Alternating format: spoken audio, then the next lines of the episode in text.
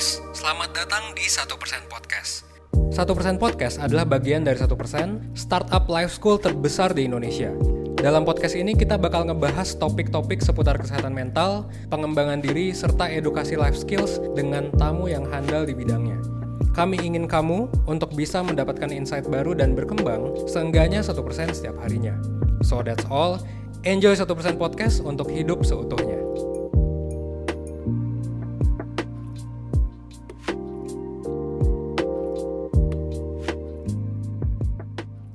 Persener semuanya, selamat datang kembali di Satu Persen Podcast bareng aku Miralda selaku host podcast hari ini. Apa kabar nih persener semuanya? Semoga kalian baik-baik aja ya. Terutama kita masih jalanin keseharian di tengah-tengah pandemi gini, sampai-sampai nggak kerasa udah bulan November aja nih. Nah, hari ini aku mau bahas tentang relationship. Dan episode kali ini bakal spesial banget karena kita kedatangan bintang tamu dari Smile Consulting Indonesia yaitu Kak Gunawan Suwito. Halo Kak Gunawan. Halo, selamat pagi. Selamat pagi Kak Gunawan. Gimana nih Kak kabarnya? Baik, baik, baik. Kamu gimana? Alhamdulillah aku juga baik. Baik ya. Sebelumnya terima kasih banget ya Kak atas waktunya nih udah mau ngobrol bareng kita nih di satu persen podcast. Sama-sama terima kasih sudah diundang dan berbagi cerita nantinya. Karena tujuan kita juga emang untuk sharing ya ke persener semuanya. Nah sebelum lanjut ke topik hari ini boleh dijelaskan dulu nggak nih Kak tentang Smile Consulting Indonesia tuh apa sih biar aku dan perseners juga pada tahu nih Kak. Oke, mungkin uh, ada yang tahu, ada yang tidak, karena kita kebanyakan memang uh, media yang kita gunakan di Smile Consulting Indonesia adalah manual, manual dan online. Jadinya Smile Consulting Indonesia pada dasarnya ini adalah biro, biro psikologi, di mana kita berusaha membantu teman-teman dari segala macam aspek yang berkaitan tentunya dengan psikologi Contohnya dimulai dari tes, kemudian sampai dengan konseling atau konsultasi. Nah, jadi untuk lebih jelasnya sebenarnya kita bisa mengarahkan ke dalam website.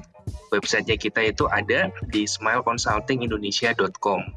Lokasi kita juga di daerah Jakarta Barat di Tanjung Duren. Jadi mungkin uh, lebih jelasnya bisa ke situ. Cuma basically kita adalah Biro Psikologi yang berusaha membantu penanganan masalah psikologi teman-teman semua. Kak Gunawan sendiri berarti uh, juga psikolog kan di Smile Consulting Indonesia?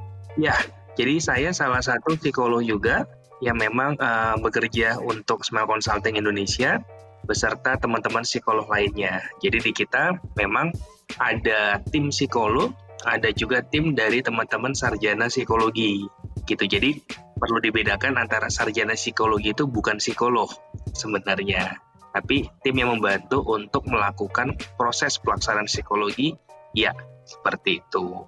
Kalau di satu persen ya kalau di kita yang sarjana psikolog itu jatuhnya bisa jadi mentor ya untuk online mentoring kalau di satu persen. Atau training atau conduct dan sebagainya. Dan kalau misalkan psikolog itu yang udah benar-benar punya spesialisasinya ya kak, sudah S2 berarti ya? Uh, ya, jadi psikolog, tanda dia menjadi seorang psikolog adalah dia memiliki izin praktek. Semuanya harus ada izin, ibaratnya kayak dokter. Kalau dokter kan ada dokter bedah, dokter apa dan sebagainya. Kalau di kita adalah uh, psikolog juga memiliki izin praktek, tapi beda dengan psikiater. Kalau psikiater adalah dokter yang mengambil spesialis kejiwaan. Dia aslinya adalah dokter. Tapi kalau kita bukan dokter, seperti itu. Memang psikolog ya, karena kuliah aja dibedakan ya. Kedokteran dan psikologi itu kuliahnya beda. Bener, gitu. Jadi memang uh, syarat utamanya adalah teman-teman kalau mau lihat dia psikolog atau tidak, atau memang dia berpraktek atau tidak, harus bisa tahu atau minta tanda bahwa dia adalah psikolog yang memang bekerja aktif yang memiliki izin praktek ya. Izin praktek benar. Iya nih kak, oh iya nih kak, lanjut ya ke topik hari ini. Jadi hari ini tuh aku mau bring up topik relationship, yaitu cinta di masa pandemi nih kak. As we know ya, kita udah ngejalanin pandemi ini selama berapa bulan tuh? Kurang Hampir lebih 7 bulan dari, ya. dari Maret ya? Kurang lebih 8 bulan loh. Ya, Iya, 7 lama bulan. banget ya. Eh, 7 bulan 8 bulanan. Banyak banget yang udah dilewatin nih di masa pandemi ini nih, Kak. Dan tidak berasa bisa jadi statusnya berubah atau statusnya masih sama. Iya, Seperti itu. karena ngaruh banget ya. Ya, apalagi kalau cinta di masa pandemi, ya pasti banyak. Banyak yang akan terjadi in case di dalamnya. Jadi kita diberikan ruang untuk setidaknya melihat.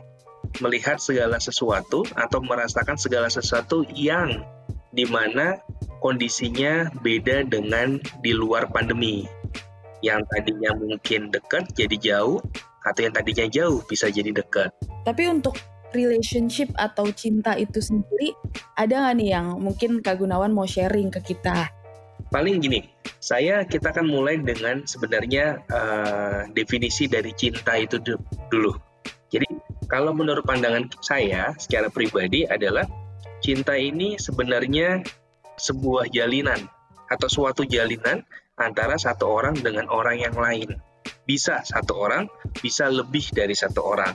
Banyak misalkan cinta terhadap pasangan, cinta terhadap teman, cinta terhadap keluarga, cinta terhadap saudara, dan sebagainya. Jadi pasti lebih dari satu orang. Jadi satu dengan satu atau lebih. Nah, kalau pengalaman eh, mungkin yang bisa di-share adalah dari ber- eh, dari beberapa case. Dari beberapa case yang pernah kita tanganin adalah di masa pandemi ini adalah eh, mengenai pemahaman soal komunikasi.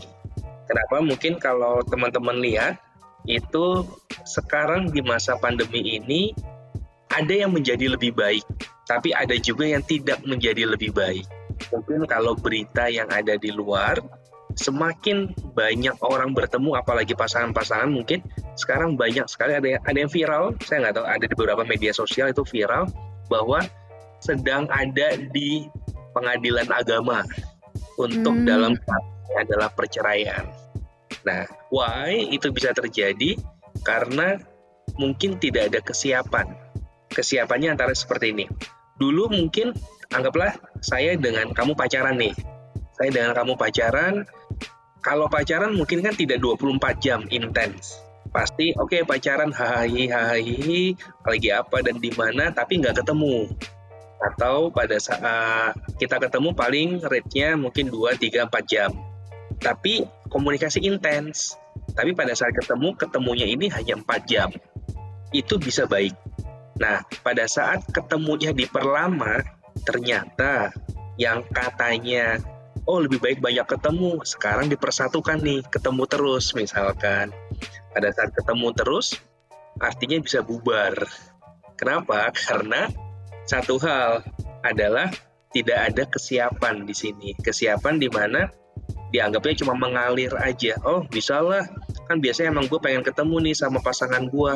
Tapi ternyata pada saat ketemu ada COVID seperti ini, dipaksa untuk ketemu terus. Kenapa? Karena eh, keluar juga susah. Kemudian kita juga tidak terlalu bebas dibandingkan yang dulu.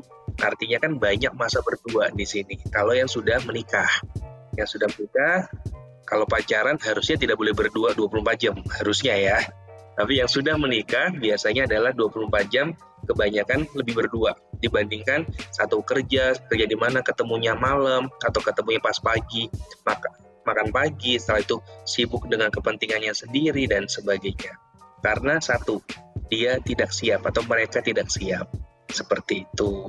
Jadi efeknya tidak siap pasti akan menjadi kurang baik.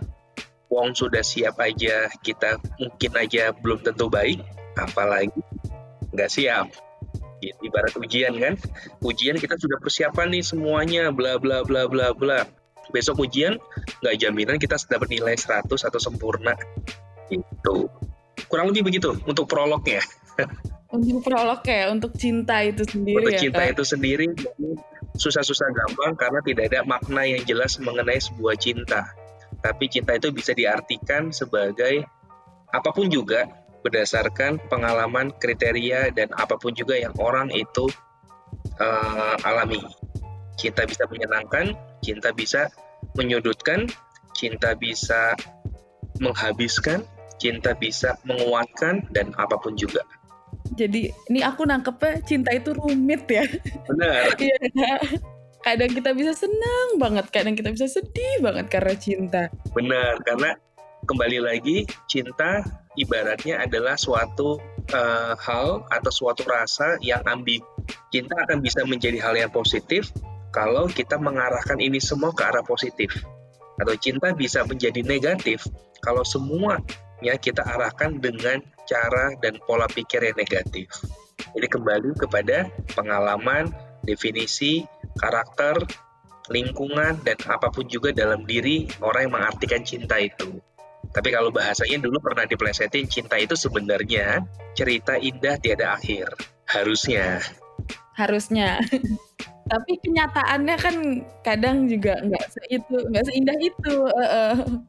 Nah, ngomong-ngomong soal pandemi nih Kak, yang kita hadap, itu kan pasti ngaruh ya Kak ke banyak aspek, bukan hanya orang kerja lah. Oke, simpelnya aspek kerjaan atau jadi ngaruh juga ke finansial kita dan banyak lagi kan Kak. Salah satunya tuh ya cinta atau hubungan yang kita punya sama orang lain.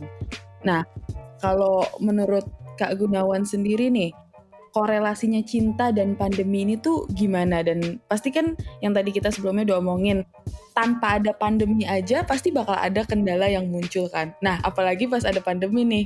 Menurut Kak Gunawan gimana? Gini, um, sebenarnya kita ada dua pandangan. Yang pertama adalah kalau kita bertanya tadi, cinta sebelum ada pandemi aja kita sudah ada halangan, apalagi pandemi. Itu kita sudah mengarahkan pemikiran kita ke arah yang negatif. Tanpa kita sadari bahwa dianggapnya pandemi itu adalah suatu hal yang negatif. Kenapa? Karena korelasinya adalah negatif, pasti ketemu negatif. Dulunya aja sudah negatif, apalagi tambah sekarang. Masa nggak negatif? Gitu. Nah, siapa yang bisa merubah diri kita? Jadi korelasinya sebenarnya mau ada pandemi, mau tidak ada pandemi, semuanya berkorelasi. Tapi di pandemi ini kita dikhususkan, dikhususkan pada suatu waktu atau suatu pertemuan yang mau tidak mau harus terjadi. Contoh kasus LDR. LDR orang yang di Bandung dengan di Jakarta dulunya sering ketemu, mungkin dua seminggu dua kali. Sekarang mungkin sebulan sekali pun juga susah ketemu fisik. Iya. Kebanyakan SBB, ya. ya, kebanyakan video call dan sebagainya. Video call orang bisa kan video call kan kebanyakan uh, duduk atau tiduran gitu kan. Tapi kan full badan. Tapi kan kita tidak tahu di sampingnya itu siapa. Iya, kayak gitu. Jadi akan banyak suatu uh, hal yang apa ya uh, akan suatu banyak hal yang berbeda gitu. Tapi kembali lagi pada saat kita berbicara mengenai pandemi, pandemi itu tidak selamanya kok untuk menjadi suatu hal yang menakutkan dari sisi hubungan. Tapi kalau dari sisi kesehatan, ya makanya kita harus waspada, kita harus setia dengan protokol-protokol kesehatan dari pemerintah. Nah, untuk masa pandemi ini dengan case misalkan uh, orang yang tadinya sibuk dengan aktivitasnya masing-masing. Kemudian akhirnya dipersatukan di dalam satu rumah yang di mana 80% intensitasnya ketemu. Itu berhasil atau tidak, semuanya kembali lagi kepada kedua kedua orang. Karena cinta ini akan menjadi suatu hal yang menyenangkan jika dua orang ini membuat cinta itu menyenangkan tidak bisa bertepuk sebelah tangan. Satu pengen membahagiakan, satu cuma pengen nerima nerima kebahagiaan itu. Pasti ya, yang membuat bahagia itu lama-lama akan capek. Iya. Gitu. Capek di satu sisi aja capek ya. Di satu sisi. Nerima, orang kok nerima mulu kapan nih gue dibahagiain? Kasarnya begitu. Begitu juga dengan sebaliknya. Nah, jadi sebenarnya ada pepatah bijak yang mengatakan bahwa kalau untuk kita mencintai, sebisa mungkin kita berlomba-lomba untuk saling memberi, bukan saling menerima. Kita harus saling memberi apa pun itu dengan pasangan kita. Berlombalah untuk saling memberi. Berlombalah untuk saling minta maaf jika ada kesalahan. Jika kita tahu pasangan kita ada kesalahan, berlombalah untuk minta maaf, bukan menuntut pasangan yang salah itu minta maaf Karena kebanyakan pasangan yang salah tidak meminta maaf. Kebanyakan gitu. Jadi berlombalah untuk menjadi orang yang low profile seperti itu. Jadi untuk di masa pandemi ini kita semakin dilatih sebenarnya untuk berlomba. Lu mampu nggak berlomba menjadi lebih baik? Lu mampu nggak berlomba untuk menurunkan ego lu? Kan nggak mungkin. Kalau dulu mungkin kalau misalkan jarang ketemu, kalau lagi berantem, ya sudah gue nggak teleponan selesai. Atau gue uh, ngurusin kerjaan aja lah sampai larut malam, gue pulang udah nggak ada orang, udah pada tidur. Besok gue kerja lagi. Dulu seperti itu. Sekarang kalau ngambek kan masih ketemu juga orang ya. Dan itu kalau seandainya kita tidak antisipasi, pastinya itu akan berantem. Dan ujungnya adalah merasa ketidakcocokan.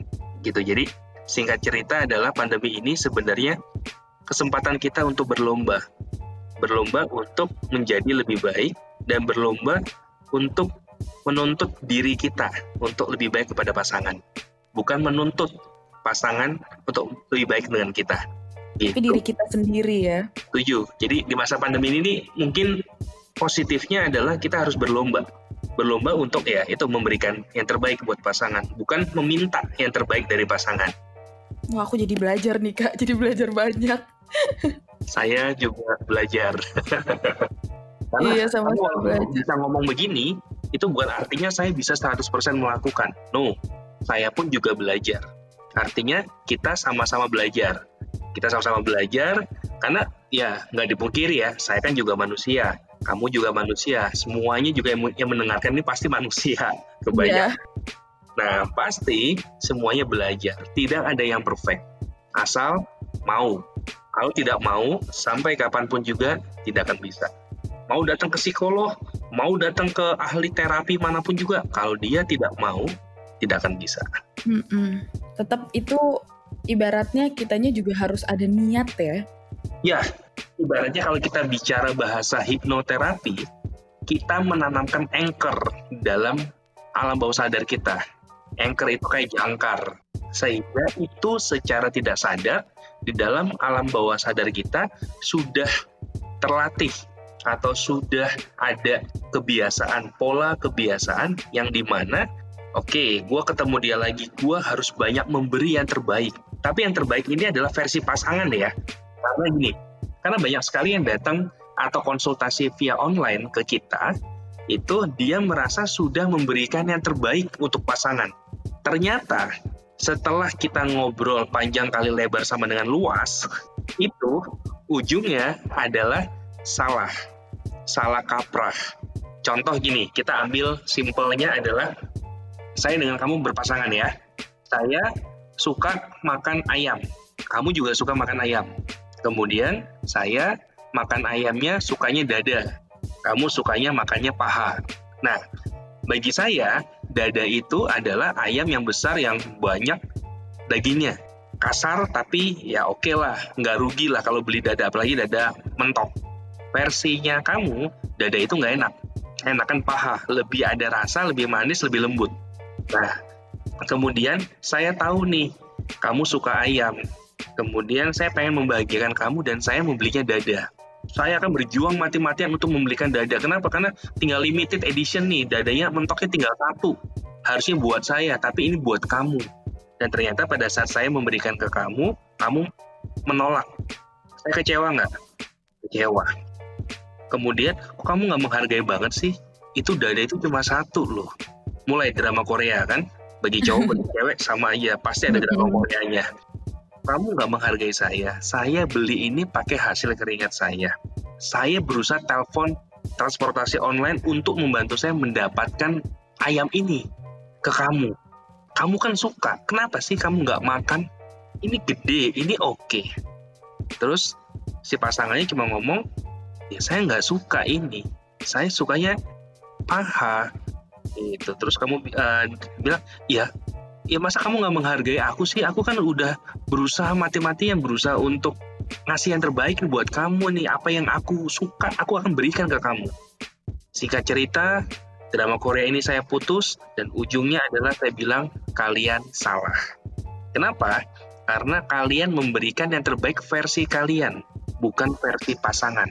Itulah kenapa kita harus mengenal pasangan kita, jangan sotoy. Sotoy cuma ada sotoy ayam, tangkar, dan sebagainya. Jangan sotoy, jangan sok tahu. Gitu. Kalau nggak tahu, nanya. Kalau sudah tahu, jangan diprotes. Loh, kok begini? Ya kan emang dia sukanya begitu. Jadi kadang-kadang banyak orang yang salah kaprah memberikan yang terbaik versi kita untuk pasangan.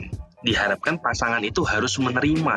Nah, di sinilah banyak sekali pertengkaran yang terjadi. Seperti itu. Apalagi di masa pandemi ini, kita bisa bertengkar kenapa? Karena menurut kita ini yang terbaik bagi pasangan. Tidak dikomunikasikan dulu. Maksudnya mau buat surprise buat pasangan, tapi malah kita yang dapat surprise dengan tindakannya. Berantem. Jadilah iya. merasa tidak cocok, tidak saling mengerti, tidak apa ya, mulai seperti itulah, mulai hal-hal yang negatif keluar. Padahal sebenarnya kalau kita melakukan atau kita sudah tahu bahwa pasangan suka A, kita sebenarnya bisa A, ya why not kita memberikan A gitu, bukan memberikan yang kita mau. Berarti ya kita harus ngertiin juga, jangan hanya pengen di ngertiin ya kan? Benar. Kuncinya adalah kita mengerti dan tidak boleh memaksakan. Karena maksa itu nggak enak, maksa itu sakit. Apa pun yang dipaksa nggak enak gitu. Tapi kalau emang pengen makan kasihlah makanan. Jangan pengen makan dikasih minum.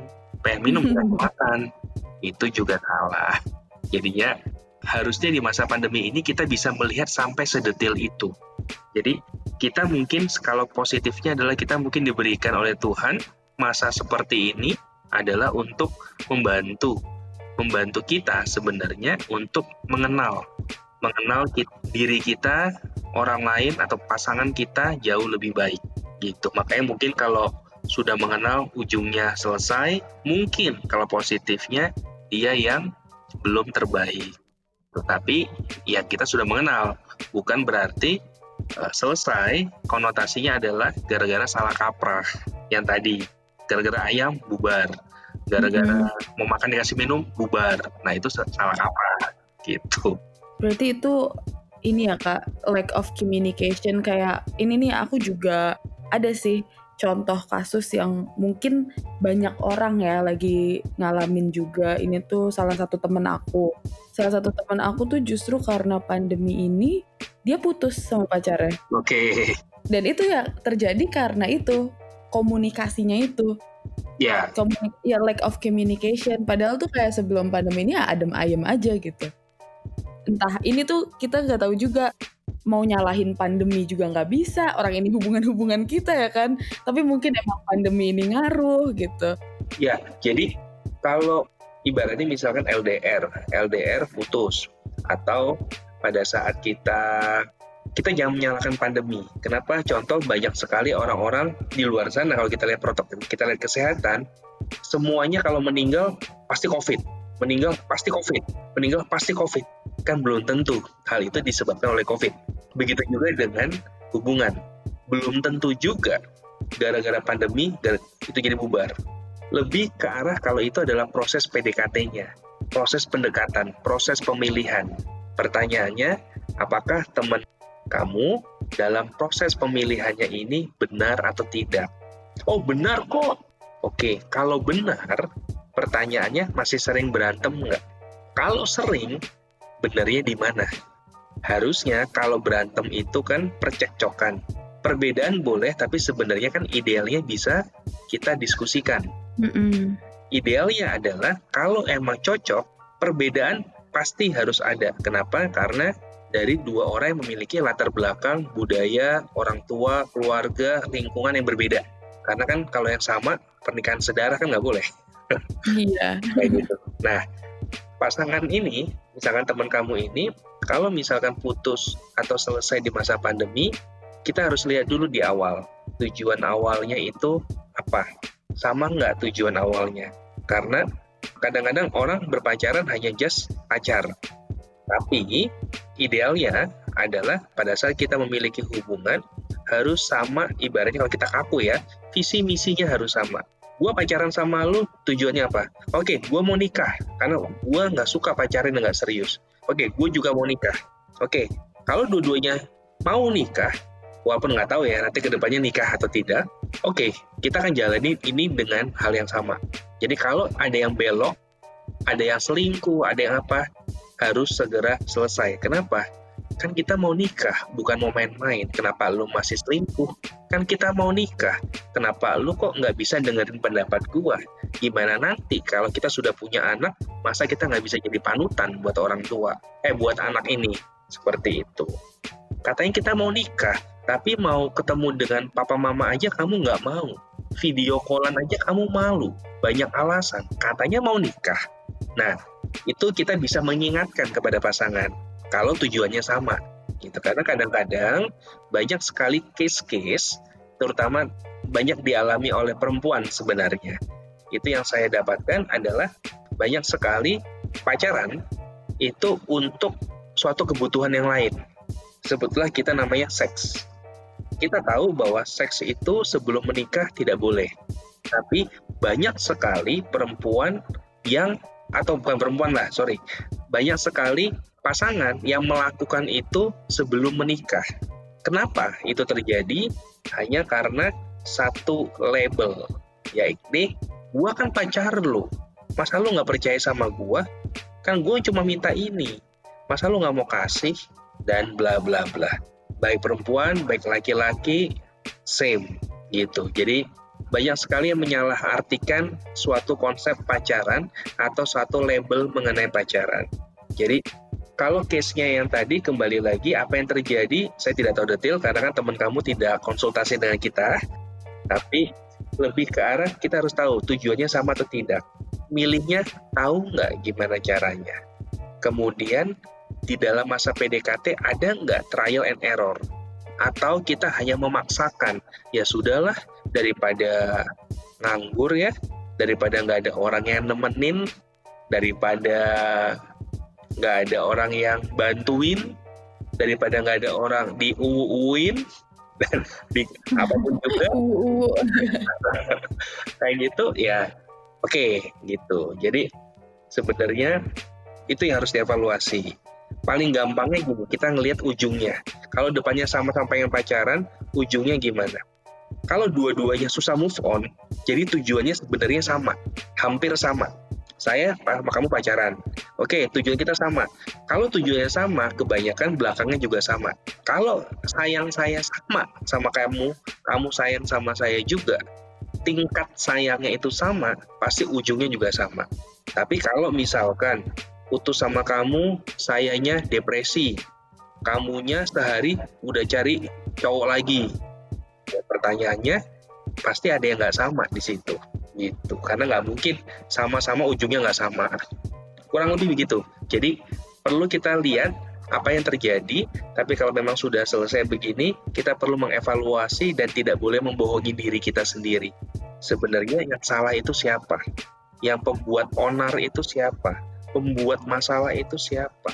Penyebabnya apa? Berharap setelah kejadian kemarin membuka lembaran baru lagi dengan pasangan yang baru tidak melakukan tapi perlu diketahui, pada saat kita berubah, belum tentu hasilnya sesuai dengan yang kita mau.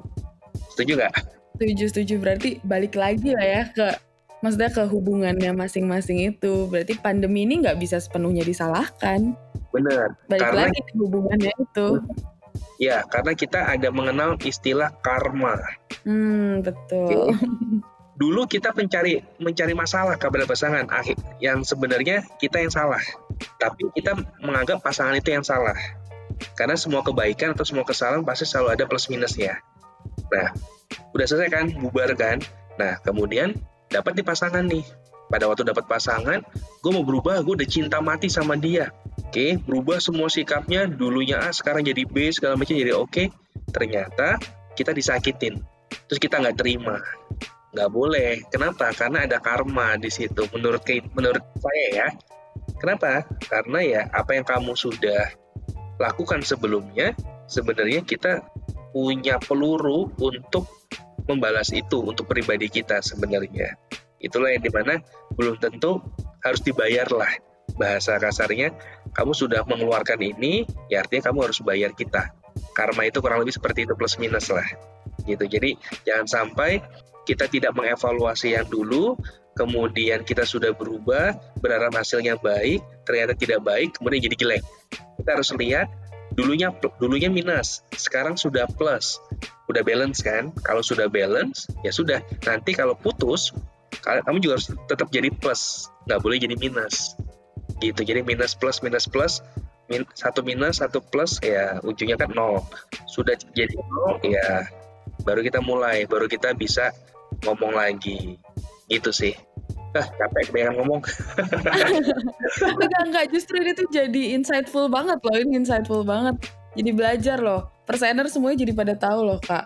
Yang awalnya kita pengen ngomongin cinta dan pandemi ini balik lagi loh ke hubungannya itu sendiri, relationship itu sendiri. Oh ya kak, sama aku mau nanya juga nih, ini tuh bukan cuma satu orang, dua orang doang ya yang beberapa yang cerita ke aku atau aku juga ngalamin sendiri. Ngerasa pas pandemi ini, nyap, ini ya masuk lagi ke pandemi. Saat pandemi itu kan kita semua jadi feeling under pressure ya kak. Ibaratnya yang kita tadi bebas mau ke mana aja. Ini kita jadi harus diem di rumah, karantina di rumah kan. Kita kita pun pasti ngerasa bosen lah atau apalah ya kan, stres juga nggak bisa jalan-jalan keluar. Nah, apa yang biasanya itu nggak terlihat menjadi terlihat. Ibaratnya tuh kayak aslinya nih baru keluar lah pas kita lagi benar-benar di bawah pressure kayak gini. Nah, kalau Kak Gunawan setuju nggak tuh? Apa ngaruh nggak sih? Saya mengkritisi bahasa kamu.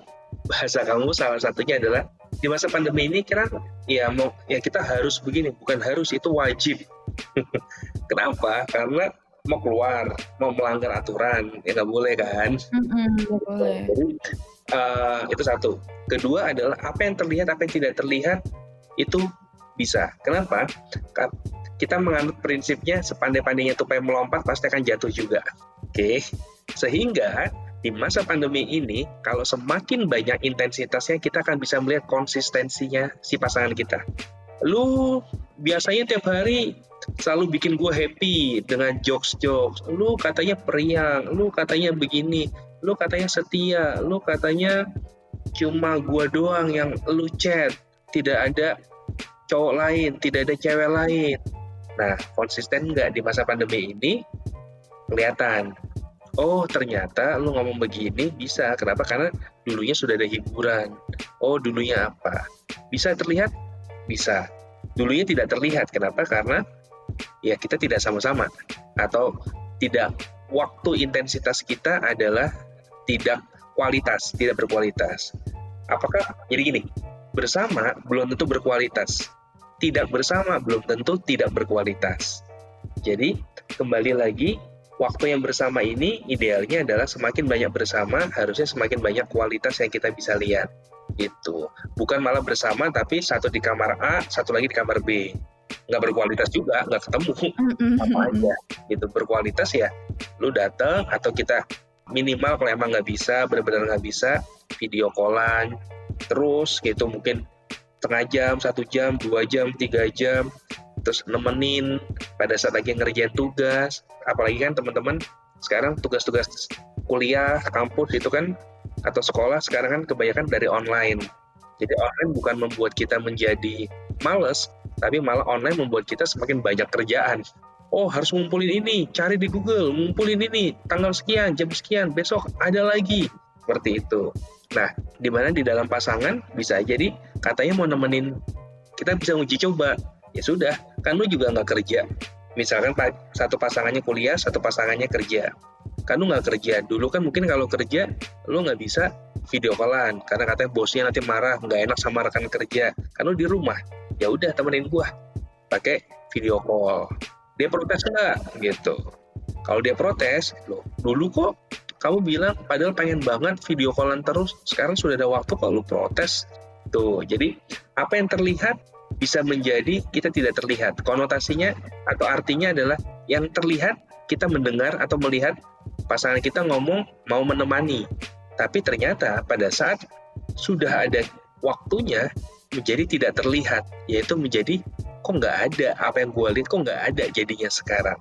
Itu bisa kita artikan apa yang kita dijanjikan, kok sekarang gue nagih janji itu nggak ada. Itu bisa.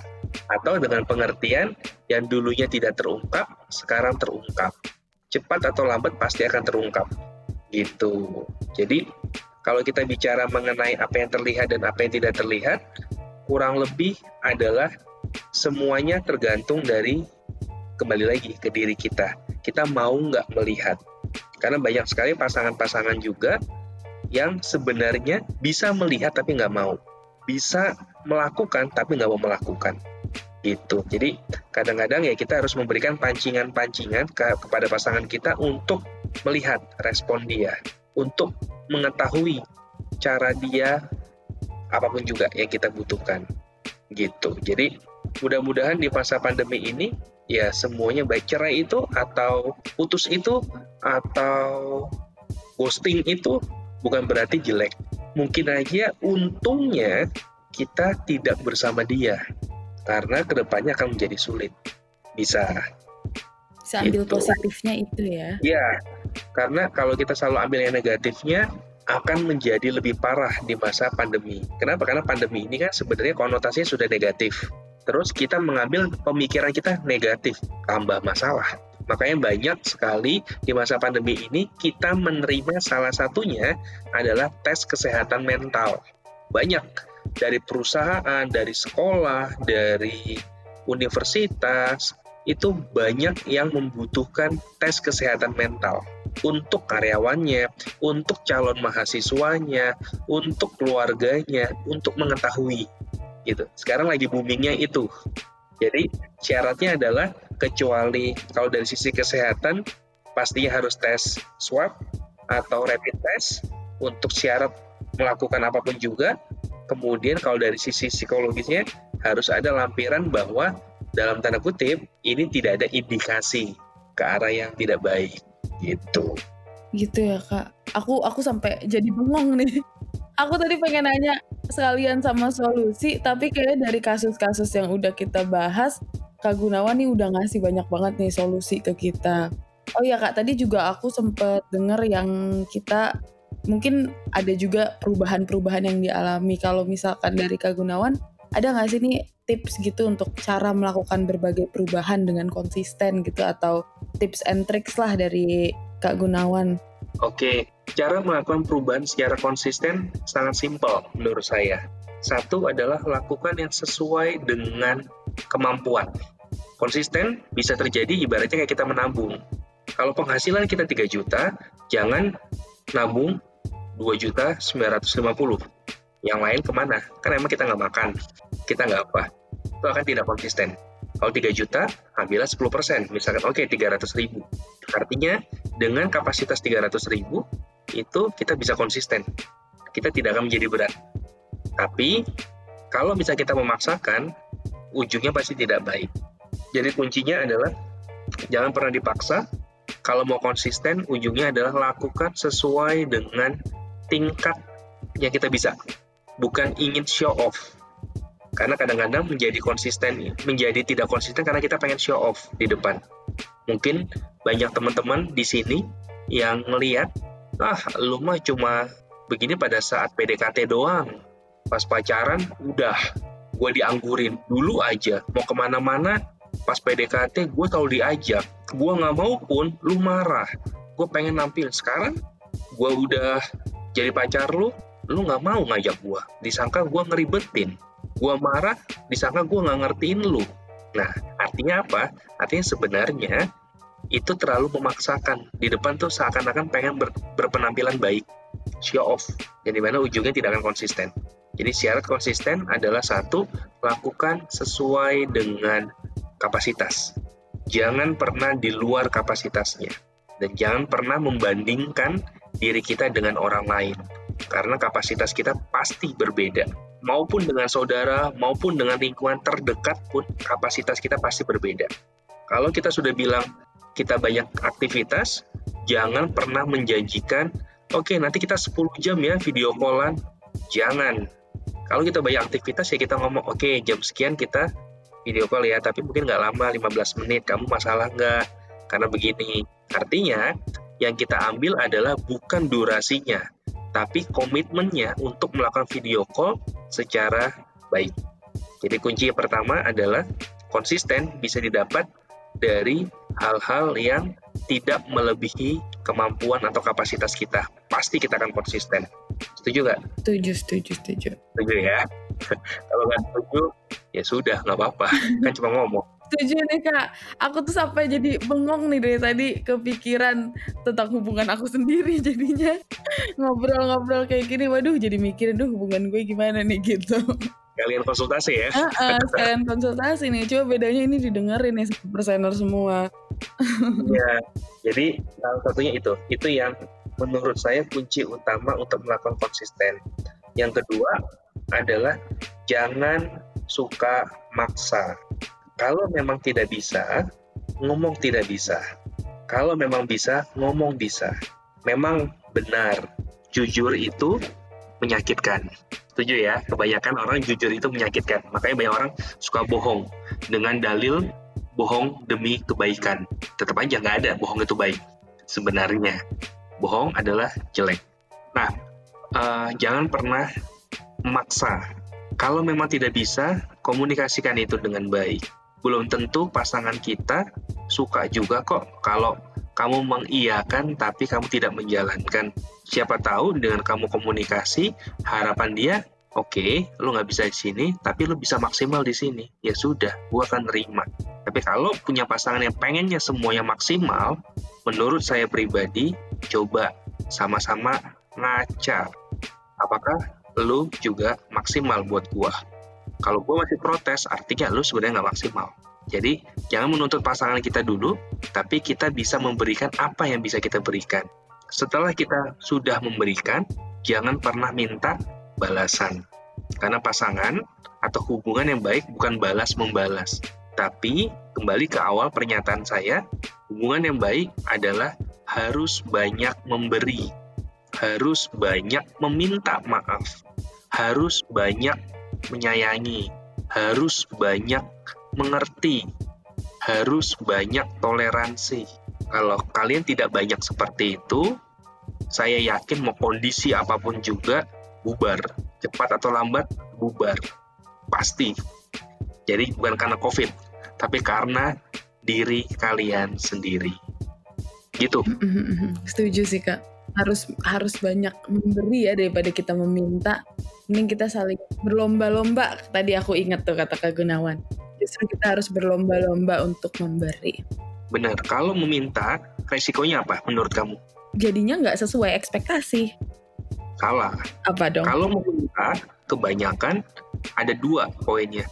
Sesuai atau tidak sesuai. Karena ada ada dua kan. Tapi kalau memberi, Kalaupun itu ditolak, ya nggak apa-apa. Selama itu positif, terserah.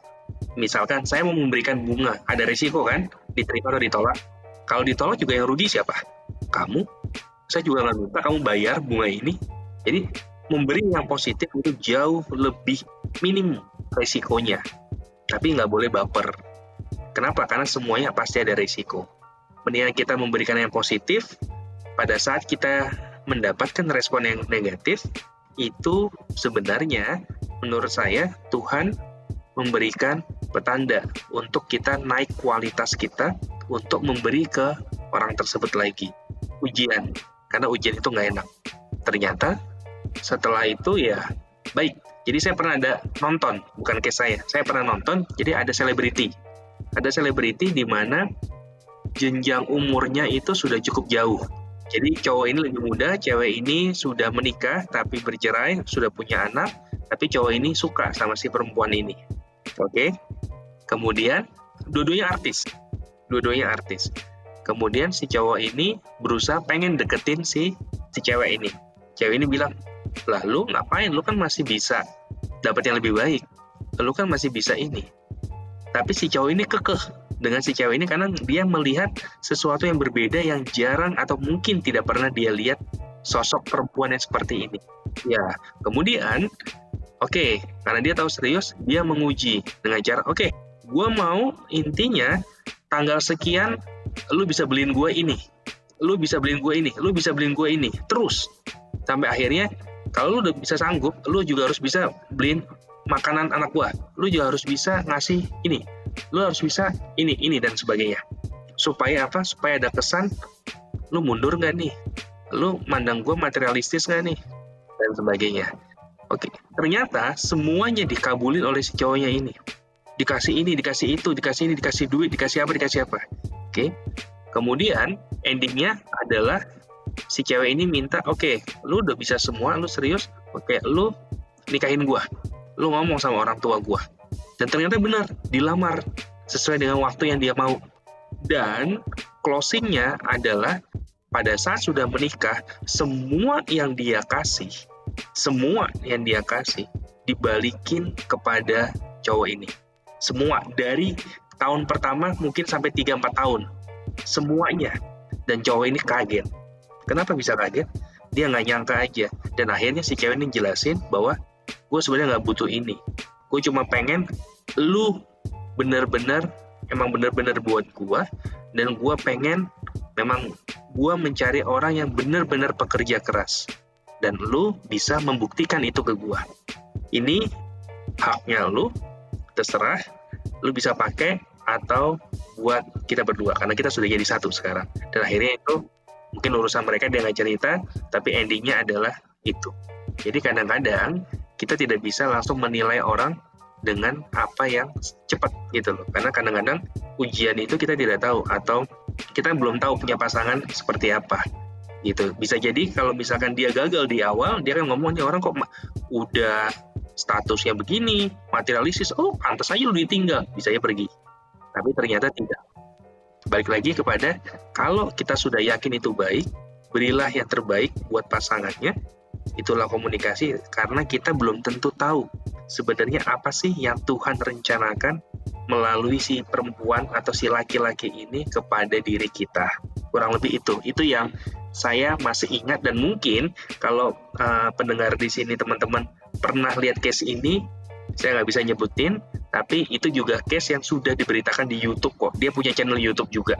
Dia punya channel YouTube, dia punya dia artis. Dua-duanya artis. Itu dan dia sekarang dua-duanya artis. Iya ya, berarti ibaratnya itu kayak ngetes lah ya, ngetes si cowok ini. Ya, kalau bahasa jeleknya ngetes. Tapi kalau kita ngomong, ah ntar gue ngetes lu kan jelek. Bukan ngetes sih, apa ya? Ya dia mau ngelihat lah ya, mau ngelihat buktinya buat cewek-cewek mungkin bisa tuh bisa pakai cara itu tapi balik lagi punya cara masing-masing ya setiap orang ya, tapi ada resiko kalau itu resikonya adalah bisa bisa dicat jelek bisa ditinggalin iya. karena kadang-kadang cowok udah begitu kan banyak tuh kalau di TikTok uh, kalau kamu kurang ganteng harus tetap maju kalau kamu apa harus tetap maju. Kalau kamu tidak punya mobil harus tetap maju. Terus ujungnya ceweknya ngomong kalau kamu maju saya akan mundur. nah itu apa banyak sekarang di TikTok seperti itu seperti itu. Terus apalagi yakin nih tidak mau sama orang ini uh, terus uh, ini dengan ini. Yakin nih. Artinya sebenarnya banyak kok di luar sana yang krisis kepercayaan diri terhadap dirinya sebenarnya. Gitu. Coba kita ya, uh, kita kadang-kadang tertutup dengan hal itu semua. Makanya sebenarnya kalau pacaran yang baik adalah kita tahu dunia luar tapi kita bisa membatasi dan kita bersama-sama dengan pasangan kita melihat itu semua bukan menutup. Kalau kita menutup kadang-kadang kita akan kaget nantinya. Oh ibaratnya kayak kita kerja di ruang tertutup kita rasa pagi tapi tiba-tiba kok udah malam karena kita nggak keluar. Karena ruangan itu semuanya cuma ada uh, lampu doang yang terang. Jadi seakan-akan itu selalu pagi atau siang.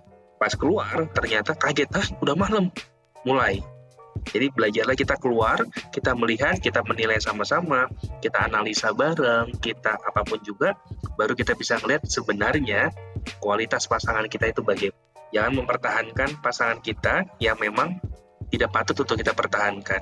Gitu. Karena di TikTok ada kok salah satunya. Karena saya sering kali melihat TikTok walaupun saya tidak punya TikTok ya saya sering kali melihat TikTok saya melihat mantan gandeng ceweknya atau gandeng cowoknya pasangan yang baru terus responnya masih kalah oh, jauh iya. nah mulai di iya, ada lagu-lagunya itu ya masih kalah jauh itu oh iya iya, aku pernah lihat tuh. Uh, Itu yang sebenarnya saya tidak tahu. Itu sebenarnya hal yang positif yang dilakukan oleh cewek dan cowok untuk nge-build dirinya sendiri bahwa sebenarnya gue itu lebih baik daripada dia. Dan itu kalau kita tampilin dengan positif benar bahwa ya memang semua orang punya kapasitasnya masing-masing gitu cuma pas atau tidak.